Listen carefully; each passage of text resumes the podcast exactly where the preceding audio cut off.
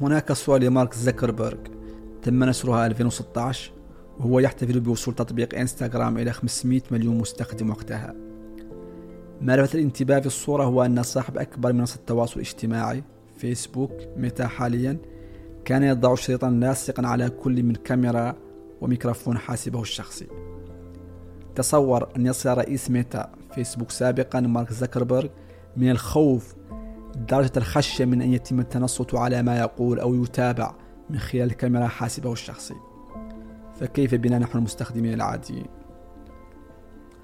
أهلا بكم في الحلقة السادسة من بودكاست ركائز تقنية والأولى بعد عيد الفطر المبارك والذي أتمنى أن تكونوا قد قضيتم أوقاتا جميلة واستمتعتم بأجوائه مع الأهل والأصدقاء.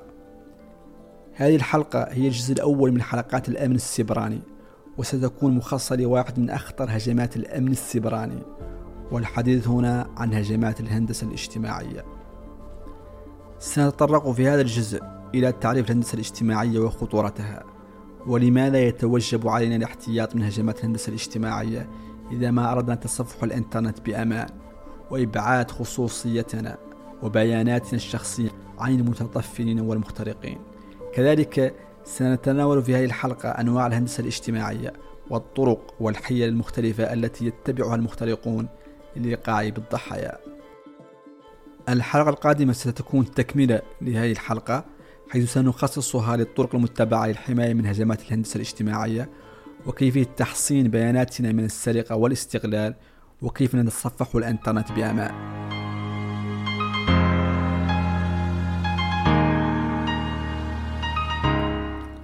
عندما نفكر في الاختراق عادة ما يتبادر إلى الذهن ذلك الشخص الخبير في لغات البرمجة واختراق أمن الشبكات وهو يكتب مئات الأسطر البرمجية للتغلب على جدار الحماية لنظام معين والولوج عنوة إلى البيانات الموجودة على الشبكة أو الحاسب أو الهاتف الذكي من أجل سرقتها أو استغلالها. صورة عزها الإعلام أحيانا من خلال أفلام ومسلسلات بحثت عن رسم مشاهد درامية للاختراق أكثر من بحثها عن الواقع. لكن في الواقع القلة من الهاكرز من يستطيعون الاعتماد فقط على خبراتهم في البرمجة واختراق أمن الشبكات لتنفيذ هجماتهم. وعادة ما يكون في هذه الحالة مهندسي برمجيات أو شبكات أو أصحاب خبرات طويلة في المجال. لكن غالبية الهاكرز لا يتمتعون بكل تلك المهارات وبالتالي يلجؤون إلى الحيل النفسية والخداع للحصول على المعلومات السرية المهمة في عملية الاختراق بدون كتابة أي سطر برمجي. غالبية الهاكرز يتصيدون أخطاءنا ويعتمدون على خداعنا أو غياب ثقافة الأمن الإلكتروني عندنا للفتك بنا. حسب آخر الإحصائيات فإن نسبة كبيرة من عمليات القرصنة التي حدثت في الأعوام الأخيرة قام بها مراهقون بالاعتماد بشكل كبير على هجمات الهندسة الاجتماعية. فالأبحاث التي أجرتها الوكالة الوطنية لمكافحة الجريمة في المملكة المتحدة تشير إلى أن الأطفال ابتداء من سن 12 سنة قد يكون عرضة للانخراط في الجرائم السبرانية. يحصل بعضهم على مكافآت مالية ولكن بالنسبة للغالبية الهدف هو إكمال تحدي والحصول على شعور بالإنجاز والتباهي أمام نظرائه بذلك. وغالبية أولئك المراهقين لا يعون تماما المخاطر الجنائية التي تترتب على تلك الجرائم.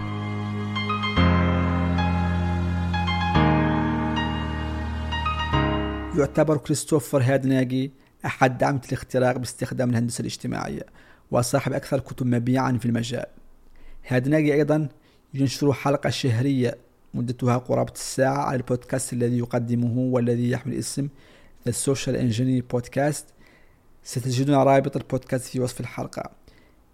يكسب هذا قوته من الاستشارة التي يقدمها للشركات في مجال الأمن السبراني حيث تلجأ الشركات له من أجل أن يفحص دفاعاتها ضد مختلف أنواع الهجمات السبرانية. يخبر هذا تلك الشركات بالثغرات الموجودة في أنظمتهم الشبكية أو الحاسوبية لكي يتمكنوا من سد تلك الثغرات وتفادي أي استغلال لها من قبل قراصنة آخرين. تمكن هادناجي من اختراق كبرى الشركات والبنوك في مختلف دول العالم من خلال الاستشارات التي يقدمها. مع أن هادناجي دارس العلوم الكمبيوتر إلا أنه لا يرى نفسه مبرمجا ويقر بضعفه في لغات البرمجة والشبكات. يقول هادناجي أنه يعتمد بشكل أساسي على اختراق البشر واللعب على نفسياتهم والتلاعب بعقولهم من أجل النجاح في عملية الاختراق التي يقوم بها. ستتضح الفكرة أكثر عندما نعرض لاحقا بعض تفاصيل عملية اختراق تويتر والتي حدثت عام 2020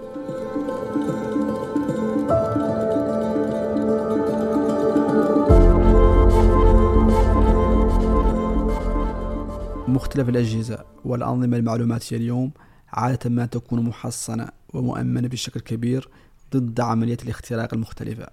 حتى ولو تم اكتشاف ثغرة معينة في نظام أو برنامج أو ضعف في مستوى أمان معين في موقع فدائما ما تتم معالجة تلك الثغرات بسرعة كبيرة وتوفير ما يسمى بباتش وباتش هو برنامج صغير مهمته سد الثغرات الموجودة والتحسين من أداء وأمن البرامج والأنظمة كلما دعت الحاجة لذلك.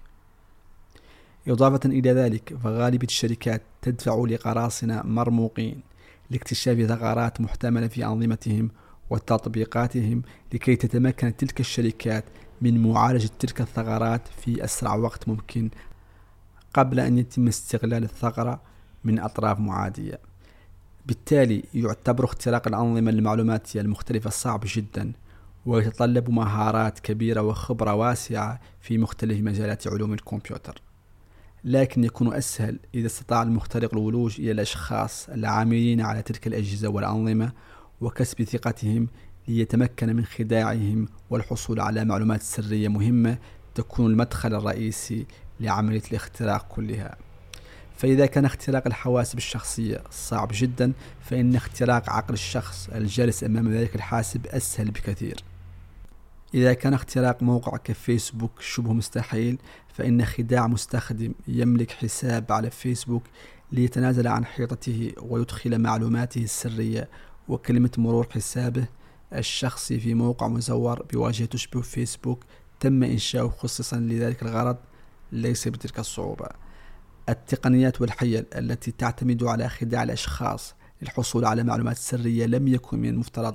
عليهم مشاركتها تسمى بالهندسة الاجتماعية. وليس من الغريب بناء على ما سبق أن تكون تلك النوعية من هجمات الأمن السبراني هي الأكثر انتشارا واستخداما. فحسب آخر الإحصائيات فالهجمات باستخدام الهندسة الاجتماعية تشكل قرابة 95% من الهجمات السبرانية قرابة 83% من الشركات في المملكة المتحدة كانت ضحية ل phishing أو التصيد الاحتيالي في عام 2022 جوجل تعترض يوميا قرابة 100 مليون رسالة فيشينج.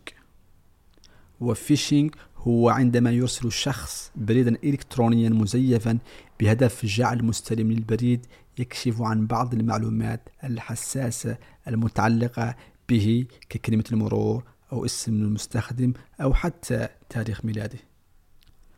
وفيشينج من جهة أخرى أو التصيد الصوتي يستخدم نفس التقنيات لكن عبر الاتصال الصوتي. يمكن للمخترق استخدام المعلومات التي حصل عليها أثناء أنواع التصيد التي ذكرناها سابقا وهي phishing باستخدام الرسائل الإلكترونية أو vishing باستخدام الاتصال الصوتي.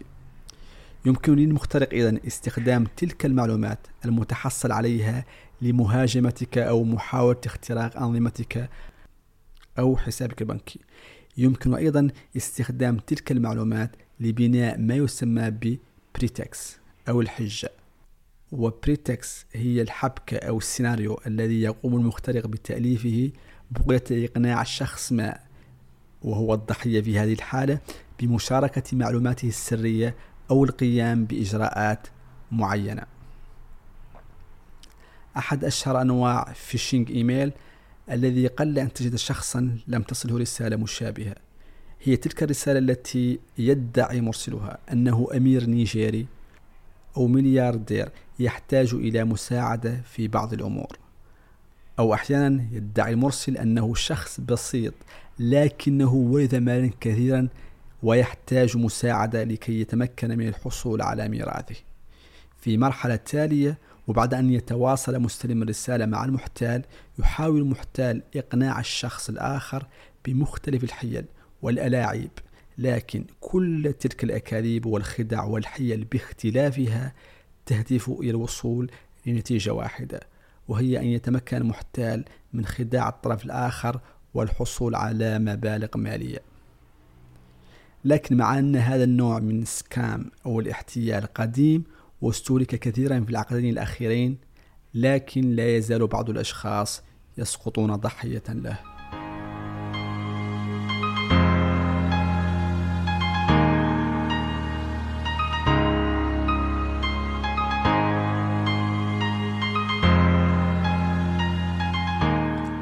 هناك حادثة شهيرة لاختراق تويتر وقعت عام 2020 لم يتم اختراق تويتر كمنصة وإنما باستخدام الهندسة الاجتماعية تم اختراق حساب 130 شخص من أبرز الشخصيات المتواجدة على الموقع. من بين من تم اختراق حساباتهم باراك أوباما وجو بايدن إيلون ماسك أيضا تم اختراق حسابه وبثت تغريدات زائفة من حساباتهم. تويتر كان شفافا حيال عملية القرصنة تلك التي تعرض لها ونشر كل التفاصيل كل تفاصيل عملية الاختراق التي توصل لها أثناء التحقيقات. عملية اختراق تويتر 2020 حصلت كالتالي. تلقت خدمة العملاء في تويتر اتصالا من شخص يدعي أنه من فريق IT support أو قسم الدعم التكنولوجي في الشركة. المخترق استطاع تغيير رقمه ليظهر وكأنه فعلا أحد أرقام IT support في تويتر. أجاب أحد العاملين في خدمة العملاء على الاتصال. أهلا كيف يمكنني مساعدتك؟ قال موظف خدمة العملاء. ليرد عليه المتصل نعرف أنك تعمل من المنزل بسبب الظروف الاستثنائية لكوفيد. لكن كما تعلم أحيانا يكون من الصعب الدخول إلى VPN أو الشبكة الخاصة الافتراضية للشركة. لذلك سنتأكد من أن VPN الخاص بك محدث وملائم لتتمكن من العمل من المنزل بدون أي مشاكل. لذلك نرجو منك زيارة هذا الموقع وقم بتحديد كلمة السر لحسابك وسوف نقوم نحن بعمل ما يلزم لتحديد VPN قام الضحية موظف خدمة العملاء في تويتر بزيارة الموقع الضار الذي صممه الجاني خصيصا للغرض ووضع فيه بيانات الدخول. في نفس الوقت حصل الجاني أو المخترق على معلومات الدخول. بعد ذلك تم إرسال كود التحقق إلى هاتف الضحية ليرسله بدوره إلى المخترق. وهكذا تمكن المخترق الهاكر من الولوج إلى لوحة تحكم الإدارة على تويتر.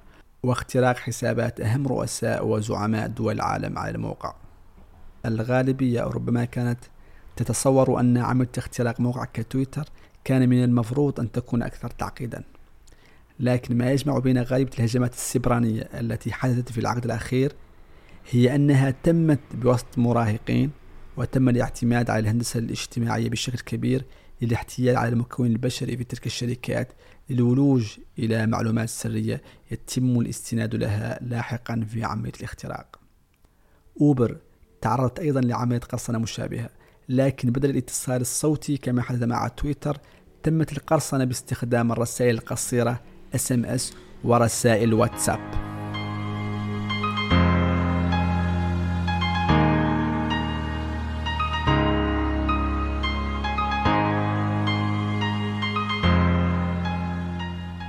المعلومات الأولية التي يحصل عليها المخترق كما هو الحال مثلا في قضية اختراق تويتر تكون عادة متوفرة ومتاحة على الإنترنت.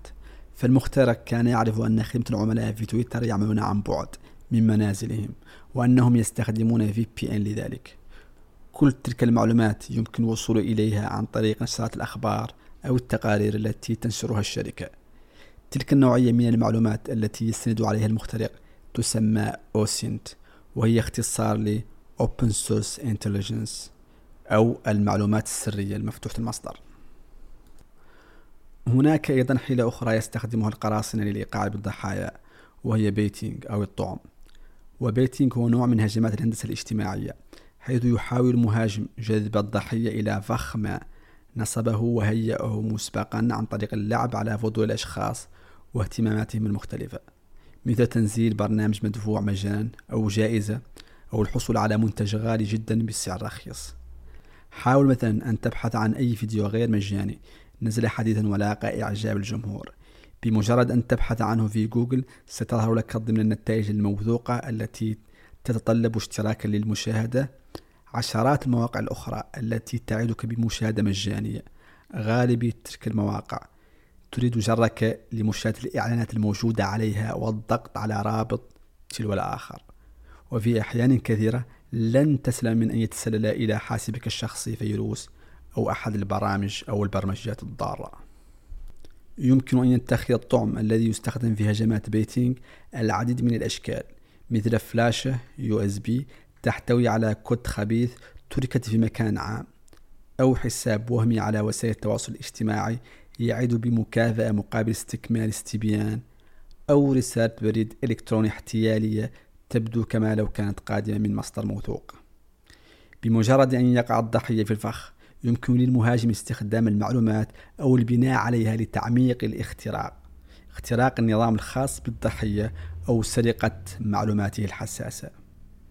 الحيل والطرق التي ذكرناها سابقا تعد الأكثر شيوعا في هجمات الهندسة الاجتماعية لكنها ليست الوحيدة.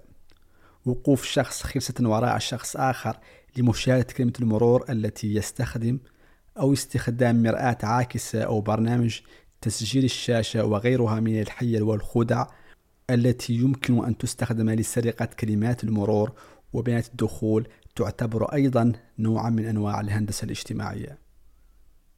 هجمات الأمن السبراني شهدت تطورا ملحوظا في السنوات الأخيرة ومن المحتمل أن تزداد شراسة وتتطور الأساليب والتقنيات المستخدمة فيها مع التطور الهائل الذي تشهده أدوات وبرامج الذكاء الاصطناعي. على سبيل المثال كان القراصنة يؤمنون أنفسهم بأن يتمكنوا من محاكاة الأصوات أثناء الاتصال وهو الأمر الذي أصبح إلى حد كبير متاح حاليا باستخدام أدوات الذكاء الاصطناعي. تصور أن يتصل بك مديرك في العمل ويطلب منك تنفيذ أمور معينة. أنت لم تشك للحظة في الأمر لأن الصوت واضح أنه صوت المدير. لكن يتضح لاحقا أنه تم خداعك وأن الشخص الذي اتصل عليك استخدم برامج الذكاء الاصطناعي ليقوم بمحاكاة صوت مديرك في العمل.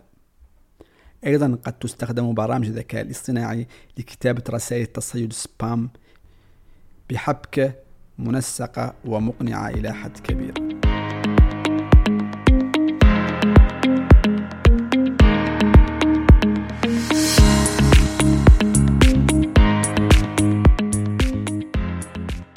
إن الارتباط الوثيق بالحياة الرقمية أصبح جزءا لا يتجزأ من حياتنا اليومية حيث نستخدم الإنترنت والتكنولوجيا للعمل والتواصل والترفيه والتعلم ومع تزايد استخدامنا للحياة الرقمية يصبح الحفاظ على بياناتنا الشخصية أكثر أهمية من أي وقت مضى.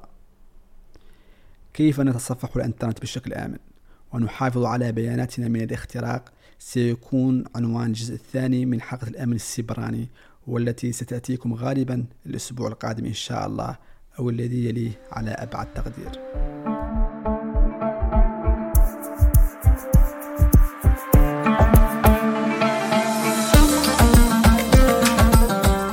بودكاست ركائز تقنية متاح على مختلف منصات البودكاست وأيضا من خلال صفحة البرنامج على فيسبوك.